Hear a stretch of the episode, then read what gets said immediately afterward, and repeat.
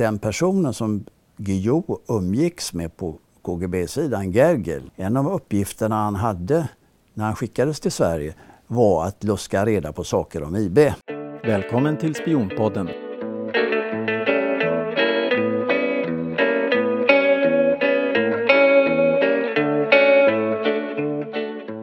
Ja, då var det dags för del två av IB inifrån med Svante Winkvist.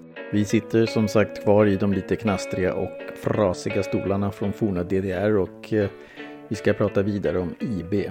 Men också om den otroligt uppmärksammade svenska sjukhusspionen och IB03. IB03 hette också FSTB och det var en militärförkortning för Försvarsstaben avdelning B. Ja, vi slutade i förra avsnittet när du inte riktigt ville namnge vilka journalister som låg under den tjeckiska underrättelsetjänsten STB. Men eh, något kan du väl säga? Men det var, det var några hög, högt uppsatta journalister. Ett exempel på en, en, journalist som fanns med bland de här som de betraktade som sin journalistiska mm. bas. Ja. Och nu ska man säga att det innebär inte att de var värvade eller agenter eller någonting sånt, men de umgicks med dem och de fick information från dem. Mm. Om det var bra eller dåligt, eller, men de fanns helt enkelt registrerade hos dem. Ja. Och det var Gunnar Fredriksson på, på Aftonbladet till exempel. Och han odlades... Chefredaktören? Chefredaktören så småningom, ja. Och han odlades av eh, den tjeckiske residenten som heter Vladimir Kaudelka. Mm. Och jag kommer inte ihåg vilka restauranger det var de var ute och åt på men det, det finns flera sådana här restaurangkvitton i, i arkiven från, från de där mötena. Mm. Och han hade också varit nere i, i Tjeckien på, på, deras inbjudan och rest runt och han hade skrivit en massa kritiskt mot väst och sånt där. Det konstaterade de mm. med stor glädje. Och sen finns det en korrespondens mellan KGB och STB. Aha. Där KGB säger, ja ni har, eh, kort uttryckt, ni har bättre kontakt med honom, fortsätt odla honom. Så, så eh, tar vi ett steg tillbaka, slutar vi att försöka odla honom. Okay. Och då, då gjorde man den arbetsfördelningen. Så och då rapporterade de att vi kommer att rapportera tillbaka bland annat om hans inställning till Sovjetunionen. Mm. och, och, så där gick tonerna då. Mm. För att se om han var värvningsbar. I det skedet, och nu talar vi om cirka 1965, då var han alltså inte värvad, Nej. men han var en umgängeskontakt, frekvent umgängeskontakt med dem. Då måste jag ändå bara fråga, var, var IB en um, socialdemokratisk säkerhetspolis under militär täckmantel eller liknande? Nej, från början var den inte det. Va?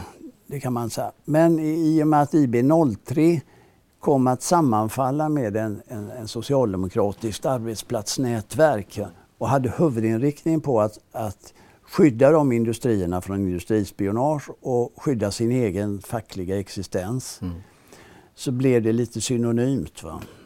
Det kan man säga. Men, men eh, det, det, är svårt att inte kritisera det och det är svårt att enbart kritisera det. Det fanns ju även de, skulle man kunna säga, nationella intressena i detta. Ja. Men skulle du säga att det var, en eh, lite ledande fråga, men skulle du säga att det var en militär organisation eller en polisorganisation? Ja, den var i huvudsak politisk. Va? Politisk, okej. Okay. Och jag menar, det, det var ju, den var militär så tillvida att den skulle skydda de industrier som då också levererade till militären från militärt industrispionage mm. kan man säga. Och det, det, det, det var ju mm. ja, det, var det militära intresset i det kan ja. man säga. Det återkommer väldigt mycket när man läser om IB att det var väldigt mycket mm, utlänningar som uh, kollades som hade just med industrispionage. Ja, vilka var det? Alltså vilka, vilka industrispionage mot vad i Sverige? Ja, det var de som var högteknologi. Du har Ericssons radar till exempel och det har ju tagits folk på Ericsson som har åkt, eh, åkt fast för, för spioneri där. Mm. Det var Viggen-projektet. Ja, just det. Så det Saab i Linköping. Mm. Och det, jag råkar ju känna till någon illegalist som bodde ganska nära i de trakterna. Så att säga. Om, om det hade med det att göra, det är en annan sak. Va? Jag har läst att vissa, att, att, man, att det finns skäl att tro att IB kom till för att USA krävde det. Vad, vad, vad kan det grunna sig i? Ja, det är ju ett argument. Va? Alltså, om USA skulle leverera vitala delar till Viggen. Eh, motorn gjordes ju på licens. Mm. Du hade radarfunktioner i det som, som inte var utvecklade i Sverige och så vidare. Eh, då vill de ha en garanti för att det här inte läcker vidare. Va? Det, det är ganska... Och då är det möjligt att de har, hur, hur, konkret de har formulerat hur de garantierna ska gå till. Men det, det, det innebär ju alltså att man måste ha ett, ett effektivt eh, kontraspionage mm. i de fallen för att skydda det. Mm. Annars kan de inte sälja. För då, då är grejerna nästa dag i, i Moskva och så är de inne i nästa version av MIG 15 eller MIG 25. Va? Och då, då, då är det liksom det, är det där gamla problemet att kapitalisterna säljer de rep de ska hänga sig i. Och det, det, vill man ju egentligen inte ska hända. Alltså ska de då skydda hem, hemligheterna. Men exakt hur de där orden har gått till, det har jag ingen aning om. Nej. Men det låter lite som Trump och Kina och Huawei och 5G. Man kan säga när det gäller det teknologiska övertaget då är det, det är slagfältsförmågan som går åt helvete om man eh, låter grejerna hamna hos motståndaren. Det är slagfältsöverlägsenheten som är, är syftet va, med den tekniska utvecklingen. Så att jag menar, Sverige är ganska bra på, tror jag, på, på sån kreativ industri. Mm. Och det ser vi ju både på, på popmusikexport och IT-export och you name it alltså. Så att den, typ, den typen av demokratiskt arbetsliv som vi har tror jag befrämjar den här typen av kreativitet. Men den befrämjar inte hemlighållandet av resultaten. Va? Okay.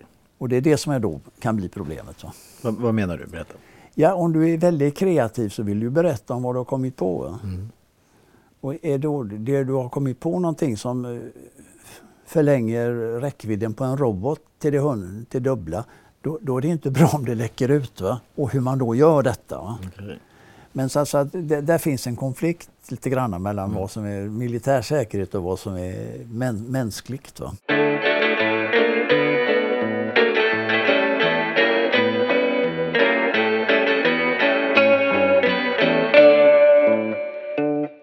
Men 1973 så avslöjar FIB Kulturfront existensen av IB. Det blir en stor skandal i, i, i Sverige. Mm. Um, kan du berätta hur, hur, du minns det här? Ja, det kan jag göra. Det var en vanlig arbetsdag, men jag hade gjort någonting för IB som jag inte riktigt kan gå in på den dagen. Va? Utanför Domens på Avenyn står en flicka och säljer Folket i Bild Kulturfront och så stod det om Sveriges spionage på detta, på framsidan. Och jag blir alldeles kall. Går hem, ringer till IB och, eller till min kontaktperson och får reda på att Håkan Isaksson har eh, släppt iväg hemligheterna till tidningen. Och att det var Bratt och Guillou som var inblandade. Men alltså, det är ju Håkan Isaksson som är huvudkällan till det avslöjandet. Ja. Och eh, sen är det ju en annan sak då att, att den personen som Guillou umgicks med på KGB-sidan, Gergel, mm. en av uppgifterna han hade när han skickades till Sverige var att luska reda på saker om IB. Mm. Det är ju ett, ett sammanträffande va? Som, mm. som är ganska skrattretande egentligen. Är det inte så att Guillou är den som egentligen kommer med det avgörande beviset för att Isaksson till slut går med på att, vad jag har förstått så hade han fått lite kalla fötter. Men att han till slut går med på det och det är någonting som Guillou kommer med, ett foto. Det är mer, mer än jag vet faktiskt, det kan okay. inte svara mm. Jag för mig att jag har hört att han kommer med ett foto på Birger Elmer och då säger Isaksson, oj, det där är min chef, hur har du fått tag på det? Mm. Det, det, det, känner jag inte till exakt. Va? Men Isaksson, eh, vad, vad, hade han med, hur, hur kom Bratt och Guillou in i bilden med Isaksson? Ja, Isaksson var ju någon assistent åt Bo Anstrin som var operationschef i organisationen. Och Bo Anstrin har haft lite med att göra då. Mm. Och han hade anställts ett par år tidigare eftersom jag hade tackat nej till det jobbet. För jag vill inte bli fast anställd i organisationen. Jag, eh, jag ville göra en civil karriär. Ja. Och eh, därmed så... Och så sen hade han då sina hyss och sin personlighet och sin, sina problem. Och det där... Isaksson. Isaksson, ja. Bland annat så var han lite knepig med att betala tillbaka lånade pengar till folk och sånt. Va? Men han, han, han var uppenbarligen en, en, en, typ av problemmänniska. Men lite grann samvetsöm skulle jag tro också. Han eh, utpekade sig själv som religiös och sådär. Och den där blandningen tror jag gjorde att... Eh, och sen hade han då träffat eh, Peter Bratt på någon re, repövning av något slag. Va? Och de hade börjat prata, de hade väl supit lite ihop och lite sånt där. Så han hade väl sagt både det ena och det andra och då hade Peter Bratt förstått någonting mm. om hans roll. Va? Okay. Så där började jag tror det där, där, där, det började. Så har jag fått det beskrivet för mig i alla fall. Va? Så det är egentligen Peter Bratt mer än Jan Guillou, mm. men egentligen Håkan Isaksson om man ser det okay. research-prestationen mm. så att ja. säga. Så Isaksson är, är huvudkällan? Ja, så långt. Ja. Och sen finns det nog andra sidoingångar också och så vidare. Och, och som sagt var, eh, om Gergels alltså inte hade någon roll, det, det återstår väl. Om man kör omvänd bevisbörda så då, skulle jag vilja se Guillou bevisa det. Då. Ja. Men Guillou säger ju att han eh, jobbade för KGB därför att han hade ett större story som han skulle vilja, eh, som han jobbade efter. Skulle det ha kunnat varit IB? Ja, jag vet inte. Nej. Nej. det är svårt att säga. Men vad, vad... Sen ska man ha klart agenter, allt agenter gör mm. ska kringgärdas med, med eh, täckmantlar. Mm. Du, åker, du åker inte till, till, till Polen för att kartlägga flygplatser utan för att titta på kulturbyggnader. Mm. Och så i förbifarten gör du det andra. Va? Okay. Du tar inte kontakt med en militär därför att du vill veta hans hemligheter. Där, utan du tar kontakt därför att ni har samma intresse för frimärket. Ja, ja. Okay. och så vidare. Mm. Hela tiden ska det vara täckmantlar, täckmantlar, täckmantlar. Va? Okay. Och storyn som en KGB-man av pro den profil Jan Guillou har, det vet du aldrig. Nej. Är det en täckmantel eller är det en sanning? Ah, okay. Jag litar aldrig på honom. Va? Mm. Det, enda, det enda säkra är att han ibland ljuger. Som ja, vi alla han, gör. Han är vårdslös med sanningen enligt mitt sätt att se det. Va? Okay. Mm. Och det, det, kan man säga. Och det, det gäller alltså eh, grundfrågan i det här med, med åsiktsregistrering. För det åsiktsregistrering är det centrala begreppet som, som, så, som samhällskritiskt begrepp dyker upp. Det är ju, fanns det anledning, fanns det grund? Mm. Var det så att kommunister innebar en ökad säkerhetsrisk jämfört med någon sorts normal individ? Och då vi, där bekräftar ju all historisk erfarenhet att det, det var en stor genomslag av ideologi mm. i det de, Men möjligen kan man ha överskattat det lite och underskattat ekonomiska motiv. Underskattat att de ideologiska motiven också fanns i vänsterfalangen av Socialdemokraterna. Om vi tar de som avslöjas som Stasi-agenter i Sverige. Mm. Ta till exempel fallet König. Mm. König, eller rättare sagt I.M. König, hette egentligen Arne Björn Jensen och var en Svensk journalist och agent för den östtyska säkerhetstjänsten Stasis civila utrikesspionage, HVA. Efter murens fall 1989 så uppdagades det att Jensen lämnat ut information om den svenska regeringen. 1994 så inleddes en förundersökning där Jensen nekade till spioneri mot Sverige men däremot så erkände han att han hade spionerat mot Västtyskland vänsterjournalist. Eh, umgicks med en kock och Birgitta Dahl, tror jag det också. Han gick runt på partihögkvarteret och skummade in en massa information och som rapporterats till Horst Eismann i Dresden. Mm. Och när han då blir avslöjad så svarar han, jag brann för DDR. Där har du den typiska ideologiska agenten som rapporterar vad fan som helst om det är internkataloger på i regeringskansliet eller om det är snacket i socialdemokratin. Han har socialdemokratisk partibok men älskar ett kommunistiskt land. Va? Där har du idealpersonen för rekrytering. Va? Och där har då den socialdemokratiska kritiken mot kommunisterna mm.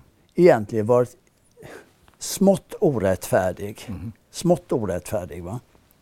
Men kommunisterna har ju blånekat hela tiden. Mm. Har ju inte brytt sig om någonting om sitt samröre med KGB och NKVD i historien. Nej. Så de, de, borde göra upp på en holme och så kan vi hämta liken. Men, men, men om man tittar ändå på hur Bratt och Guillou arbetade när de, när de höll på med de här reportagen så var det ändå ganska imponerande hur de eh, lyckades, bland annat då hur de lyckades komma åt post, IBs post mm. och göra foton och, och en del avlyssningsförsök. Kan du berätta lite grann om? Ja, om vi tar posten, det var bland annat ett, ett brev från en eh, sjökapten som heter Gilbert någonting som hade rapporterat från Alexandrias hamn. Mm. Och det kom de över och spydgjorde. Vad fan har IB för intressen i Alexandria? Mm. Nej, vi har inga intressen i Alexandria men det har israelerna. Så ger vi dem eh, information från Alexandria och så får vi någonting ifrån eh, Tjernobyl eller något ställe där de har judiska kontakter som de har fiskat fram att de, har börjat med någon ny produktion i en industri där som av intresse. Det är det bytet man gör. Mm. Det kan också vara sån här förvarningsinformation. Mm. Ligger det militärfartyg i Suezkanalen eller inte och sånt. Så att, och då, då, har det en liten, liten relevans i alla fall. Mm. Sen var det så, hur kommer man över sådana brev? På, på eh, Stockholm 5 jobbade två kamrater. Kamrater är alltså inte vänner utan politiska kamrater. Eh, en vars efternamn slutar på R och en vars efternamn slutar på N.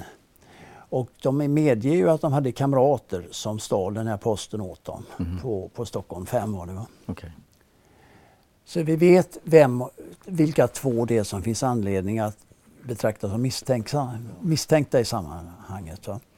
Och eh, i det ena fallet leder spåren till, till eh, prosovjetiska delar av kommunistpartiet, eller VPK. Aha. VPK var alltså Vänsterpartiet kommunisterna som 1990 bytte namn till det vi idag känner som Vänsterpartiet. Men de verkade ju ha lärt sig, eller verkade vara väldigt kunniga i um, det här med eh, spionage eller med hur man bevakar, spanar och fotar och har sig. Hur, hur, tror du att Bratt och Guillou hade lärt sig allt det här? Det har jag ingen aning om för jag känner inte till att, att de har någon sorts formell utbildning. Men man kan säga vad är skillnaden på en spion och en journalist egentligen? Va? Så en journalist ska ju eh, komma över helst det som andra inte heller vill berätta om. Det är ju, journalistens plikt är att göra offentligt det som allmänheten har anledning att veta men som någon har anledning att tiga om. Okay. Och en spion har precis samma anledning, men han ska inte tala om att han har lyckats. Det är skillnaden. Mm. Så att journalistyrket och, och, och spionyrket är ju inte helt olika. Det är de inte.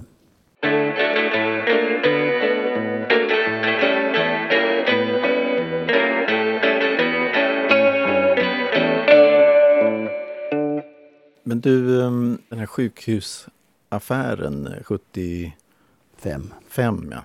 Kan du inte berätta lite om den och IBs inblandning? Ja, det kan jag göra utifrån min egen personliga ja. eh, bakgrund. För att ja. IB-affären hade precis klingat av 73-74. Jag var kommunaltjänsteman. Jag var projekt, hade blivit projektledare för ett, ett dataprojekt på sjukvårdsförvaltningen i Göteborg. Mm. Ett ekonomiskt projekt. Hade sökt en medarbetare i en annons eh, i september, oktober om det var 74 tror jag det var. Och den som skulle bli sjukhusspionen sen, han hade sökt. Han var inte ens kallad till intervju. Uh -huh. För han hade lite fel profil. Va? Så att eh, eh vi sa det, vi tittar på andra personer. Mm. Och så hade vi anställt en person precis då. så kommer en person i, i, mitt, eh, i mitt projekt med ett papper ifrån Sahlgrenska sjukhuset. Och på det står det att från och med första januari eller vad det var anställdes han som blev sjukhusspionen då. Personen eller den så kallade sjukhusspionen heter alltså Jan Lindqvist. Hans uppdrag i mitten på 70-talet var alltså att kartlägga kommunister på Salgrenska sjukhuset i Göteborg. Och Eh, han är anställd på sjukhuskontoret hos intendenten på Salgrenska sjukhuset. Mm. Men placeras i Bureprojektet och tar order ifrån Svante Winqvist som är projektledare för Bureprojektet. Punkt och slut. Det var min första kontakt med ärendet. Man hade inte pratat med mig. Jag hade sagt nej till anställning av honom tre månader tidigare. Och då hörde det till saken att när han anställdes så hade ordföranden och vice ordföranden sagt till direktören att han ska anställa. Direktören hade sagt till personalchefen, personalchefen hade sagt till sjukhusintendenten. Så det var katten på råttan, råttan på repet i en strikt gammaldags hierarkisk befälsordning. Och även det var ju som att braka in med en stridsvagn i en porslinsmagasin. Va? Det skramlar ju rejält. Va? Och man höll på att rota och leva och man fick halvinformation och halvinformation. Och till slut så blev ju även ärrarna irriterade. Ja, och så är det Aftonbladet som då på något sätt bränner historien så småningom. Och det blev ju ett liv utan like. Vi jobbar ju inte någonting på ett halvår annat än att eh, vi var ju belägrade av journalister kan man säga. Men vad var det personen gjorde då? Han hade, vad de, de när, när, man, när, när det här då sprack ja. så blev det ju förtvivlan uppe i regeringen. Vad är det här för någonting? Det var ju då som eh, justitieminister Geijer skickade ner Hans Holmer och Ebbe Carlsson för att som personliga ombud ta reda på det. Vilket innebär att de gick till Säpo och frågade saker. Va? Och då fick de reda på att han vid två olika tillfällen hade lämnat uppgifter till Säpo mm. om eh, personer som eh, var ärrade mm. inom förvaltningen. Va? Ärrade? KPML-ärrade, mm. alltså både kommunister. Ja. Och det var vad Säpo hade tagit emot. Och deras eget intresse nämnde de också. Vad hade de för intresse av att han eh, gav dem uppgifter? Mm. Och det var i själva verket organi organisationens kontakter med PFLP. PFLP är alltså Folkfronten för Palestinas befrielse och eh, de blev väldigt kända efter en serie spektakulära terror eller politiska aktioner som flygplanskapningar och bombattentat under 60-talet och början av 1970-talet. Också viktigt att säga att PFLP finns uppsatt på såväl EUs som USAs lista över terrororganisationer men FN de eh, har inte terrorstämplat PFLP. Det vill säga det här var det delar av den kommunistiska organisation som jag hade jobbat med att infiltrera ett par år tidigare och deras kontakter med PFLP som vi hade lyckats infiltrera. Så enkelt var Men jag blev inte inblandad i uppplaneringen. Men då, då kommer det så småningom fram att bakom Leif Andersson som var vice ordförande och socialdemokrat, hans initiativ till att anställa eh, den här sjukhusspionen. Han var då engagerad i något som sen kom att kallas för krigs-IB eller IB03 egentligen. Och det var den socialdemokratiska halvan, eller delen av IB, som baserade sig på Socialdemokraternas arbetsplatsorganisation och som väl var, som jag uppfattade ett nätverk av socialdemokrater på arbetsplatser där de skulle så att säga, eh, konkurrera ut kommunister. Mm. Och de, dels av då nationella intressen, att kommunisterna inte skulle bli starka på industrier av betydelse för försvaret. Mm. Det var det konstitutionella motivet. Men de skulle ju konkurreras ut såsom konkurrenter i, på det fackliga planet också. Så socialdemokratin hade ju två syften. Skydda nationen om man är patetisk mm och skydda sitt eget partis konkurrenskraft på arbetsplatsen. Och det var IB03s funktion. Och då, vad man kan säga, det, är ju, de, det, det, det här gav prov på var en katastrofalt brist på professionalitet va, i hela upplägget. Och det, det, kan jag ju då vara väldigt, väldigt kritisk mot. Där, därför dels upp, misslyckades ju deras operation så, så, så in i hoppsan. Va. Och det så, man ska inte jobba på det sättet. Man ska inte jobba så oskickligt. Det, det, hade de kommit till mig och sagt att vi måste göra detta, hur ska vi göra det? Då hade jag gjort ett helt annat upplägg. Okay. Och då, då hade den här affären aldrig hänt, vågar jag påstå. Va? Han hade väl inte varit anställd ens? Nej, det kanske eller hade varit någon annan. Alltså, det beror på hur vi hade, man hade löst problemet. Men det intressanta är ju då att det som var av intresse och som är lite skarpt i det här, det är ju att gruppen ärrare inom förvaltningen, många av dem åkte på klippkort till Beirut och olika flyktingläger och jobbade ideellt som sjukvårdspersonal där. Va? Vilket inte är någonting att säga om. Ett antal av de här rekryteras utav den här operationsavdelningen. Mm.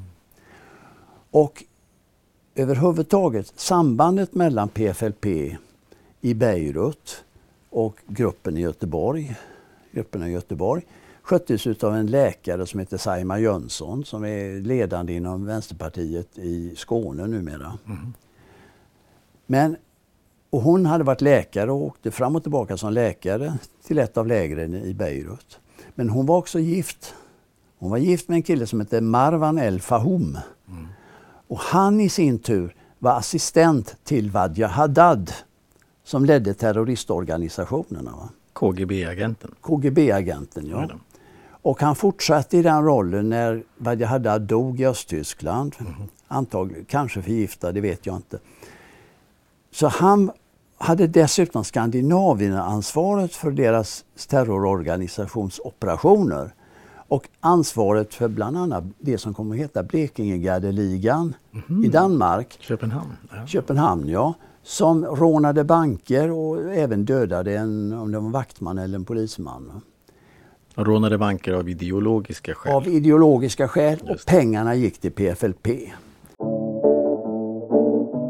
Blekingegardeligan var en liten dansk kommunistisk organisation som på 1970 och 80-talet med hjälp av pengar från rån och kidnappningar hjälpte till att finansiera den palestinska gruppen PFLP och deras verksamhet.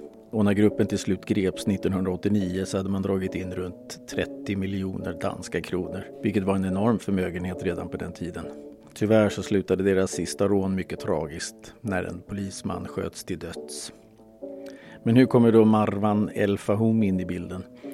Jo, det var på hösten 1984 som eh, ligan planerade tillsammans med just Marwan El Fahom om att kidnappa en i familjen Rausing, nämligen sonen Jörn Rausing som vid den tidpunkten studerade i Lund. Man skulle kräva familjen på 25 miljoner dollar. Som tur var ställdes eh, kidnappningen in i sista stund. På internet kan man läsa att läkaren Saima Jönsson som Svante pratar om alltså var gift med PFLPs Marwan El Fahom Eh, och var bland annat skriven i Lund. Enligt Säpos dokument och något som Expressen publicerade den 20 augusti 1988 så utpekas hon som hemlig kurir samt delansvarig i terroristdöd och svensk kontaktman för palestinska PFLP. Något som hon själv förnekar. Men han var ansvarig för den kontakten och han var under den här tiden fortfarande gift med Saima Jönsson Nej. som hade kontakten i Göteborg. Och det här, jag har ju gjort en mycket exakt skiss på hur det här ser ut. Va? Det var något som media lyckades undvika att hitta. Mm.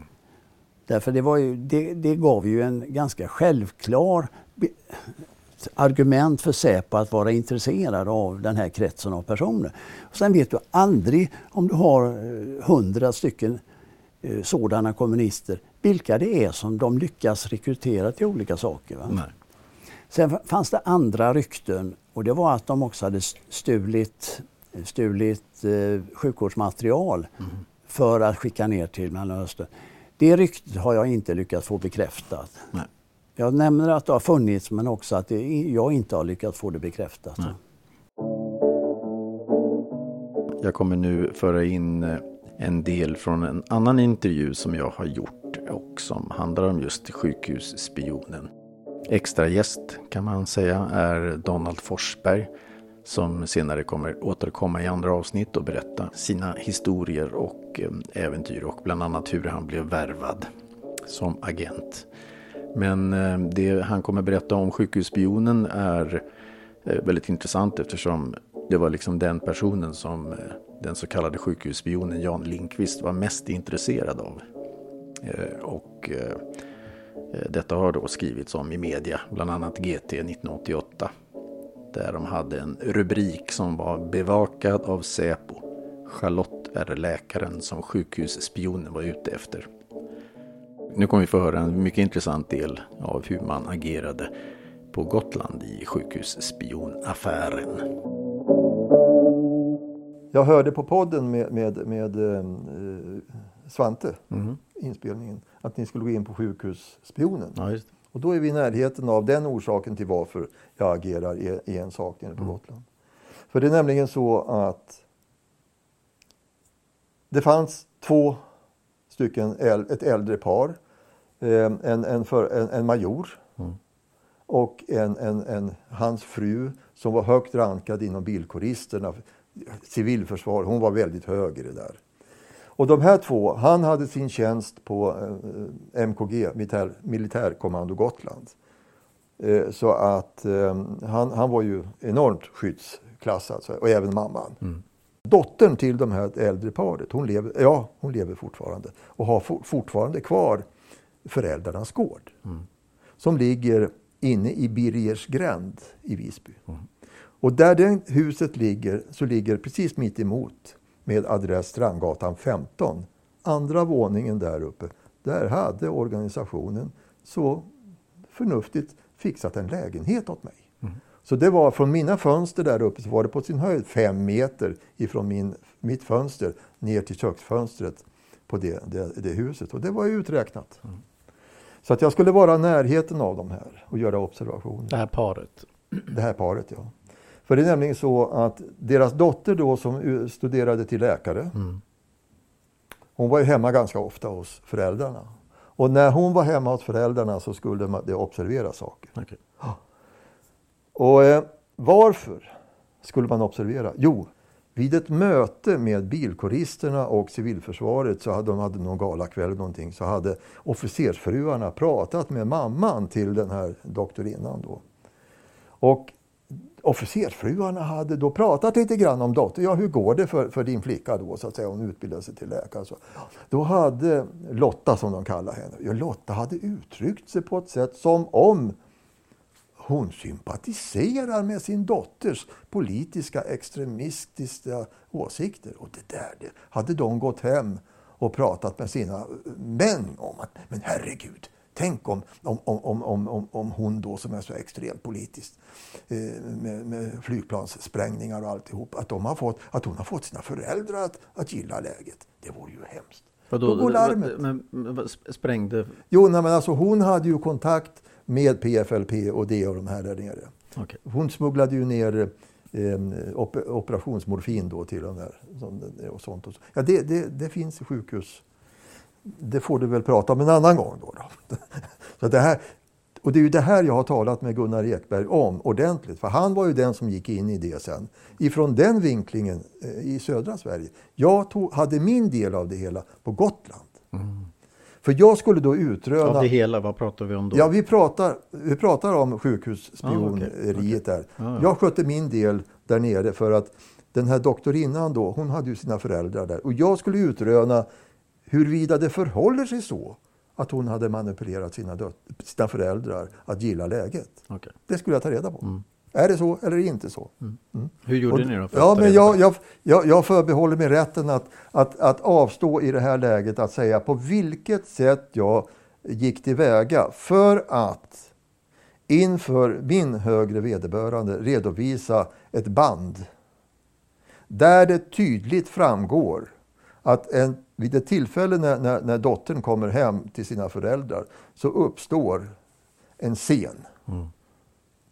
Ja, du förstår väl för fan att pappa och mamma, vi kan ju få ett helvete för på det sättet som du håller på med. Så att den högre vederbörande, det var inte bara en, det var flera, då kunde man konstatera nej, hon har inte manipulerat sina föräldrar. Och då var mitt uppdrag slut. Buggning alltså? Ja, nej, jag, jag hade gjort mitt. Jag kunde övertyga så att säga. Jo, men om de, jag, om, ja, jag såg till att det, det kunde. jag kunde se till att högre vederbörande kunde lyssna på en, en bandupptagning. Mm. Där det framgår att föräldrarna var definitivt inte manipulerade av dottern. Och i och med det så var det uppdraget klart för mig. Sen fick de fortsätta där nere i, i, i, i södra delen av Sverige.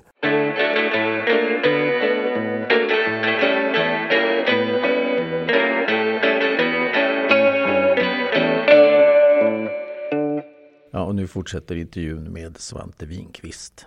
Avslutningsvis skulle jag bara vilja fråga när det gäller eh, KGB och IB. Ehm, kan, det, kan, IB, kan, kan ehm, Gergels samröre med IB eller avslöjandet ha någonting att göra med att ehm, Sverige hade ett väldigt nära samarbete med CIA? Ja, det är en självklarhet. Alltså, man kan säga att det ligger en sprängkraft i att man säger en sak och gör en annan sak. Vi är neutrala mm. och så går man och samarbetar med CIA. Mm. Och man måste ju ha klart för sig att man måste då besvara frågan, kan man vara neutral men ha ett underrättelsesamarbete med någon? Mm. Och det ansåg vi att vi kunde vara. Mm. Därför vi kunde göra affärer med den amerikanska sidan och då var det logiskt att hjälpa till i skyddet av de här gemensamma hemligheterna kan man säga. Sen fanns överenskommelsen om kärnvapenparaplyet också. Mm. Att, att eh, skulle Sverige bli anfallet så skulle eh, USA hämnas på Sovjetunionen med en kärnvapenmotattack. Vad, vad, vad gör ett land som det tycker är nödvändigt? Mm. Om inte den officiella doktrinen är hållbar mm. i ett skarpt läge. Det är ju det det är frågan om. Mm. Men vi är så jävla noga med att det ska verka snällt och runt och mjukt och trevligt. Mm. Och då står vi inte för den politiken vi egentligen för. Och det är problemet. Då blir vi också sårbara. Mm. Varje gång Sovjet kan peta hål på nu har ni gjort detta och nu har ni gjort detta. Ja, då blir vi ju sårbara. Ja, det är klart, då har vi ljugit. Mm. Och ska man inte ljuga, ja då blir man sårbar. Jag, jag har ingen lösning på detta för det, det här hör ju till, till det, där får ju politikerna vara jävligt intelligenta för att klara en sån situation och manövrera den. Det, det är inte mänskligt egentligen att, att, att köra sån dubbelmoral. Alltså. Det är svårt. Så om man hårdrar det, Gergel, ryssarna, Sovjetunionen ville avslöja Sveriges samröre med CIA och därav IB. Det kan man säga. Det, det. Men det bakomvarande syfte som Sovjetunionen hade, de har ju en, en krigsplanering av något slag. Och den krigsplaneringen går ut på att det kan uppstå en situation där de måste anfalla Sverige. Mm. Och vad, vilka problem uppstår i den situationen? Det är deras underrättelsebehov. Sen kan man säga att de har utgått ifrån att väst kan tänkas anfalla Sovjetunionen med atomangrepp. Mm. Den sovjetiska försvarsdoktrinen var sådan. Sen var den felaktig, men det är en annan sak. Va? Och särskilt hysteriskt var det ju under den här operationen Ryan. Ryan, alltså R-Y-A-N, som på ryska, och nu får ni ursäkta mitt uttal, Raketno Jaderno Napetenje.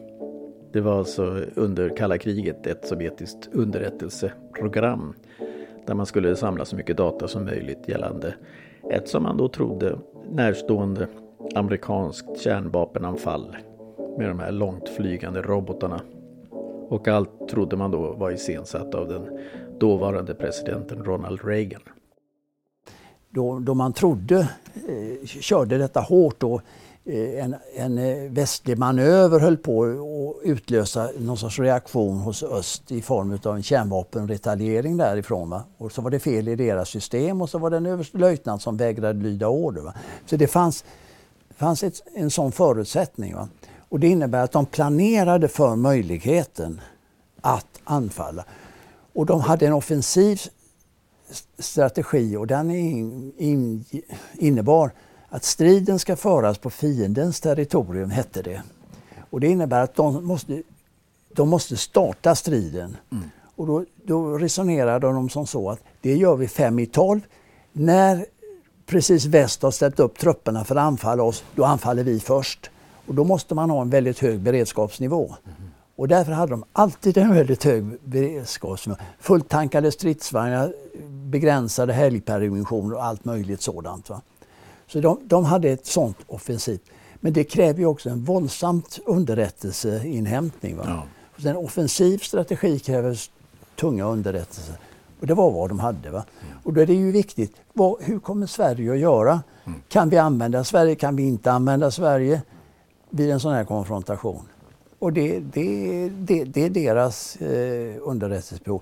Men problemet är att de utgår från det felaktiga antagandet att Nato sitter och lurar och helst skulle vilja hoppa på dem med kärnvapen och allting. Va? Mm. Det antagandet har de aldrig lyckats styrka. Och det har då lurat dem till en våldsam militär investering som knäckte dem till slut. Man kan inte hålla på med ett, ett, ett anfallsförberett försvar eller en krigsmakt så som de gjorde och tro att inte ekonomin går åt helvete. Och det, det var ju vad den gjorde och som Gorbatjov då fick backa ur så småningom. Precis. Och då har man börjat rustningen igen. Har man börjat rustningen igen. Ja, håller de på så så kommer de knäcka sig en gång till för de, de är inte så starka så att de har, har råd med det egentligen. Vad um, tror du att Sovjetunionen gav Bratt och Guillou för information om IB? Det har jag ingen möjlighet att bedöma eller gissa alls. Det, det, det, jag har inga bra underlag för det. Du var inne här på, på hur de jobbade som journalister med, med poststölden till exempel.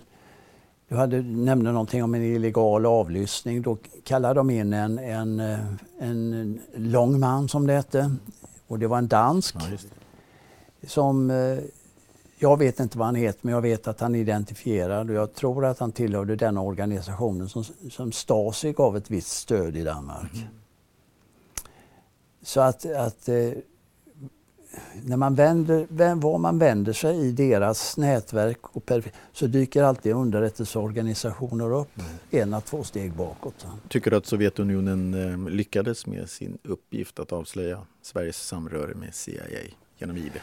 Ja, men samtidigt så kan man säga att det svenska skvallret hade ju eh, gjort att det inte var någon särskilt stor överraskning. Va?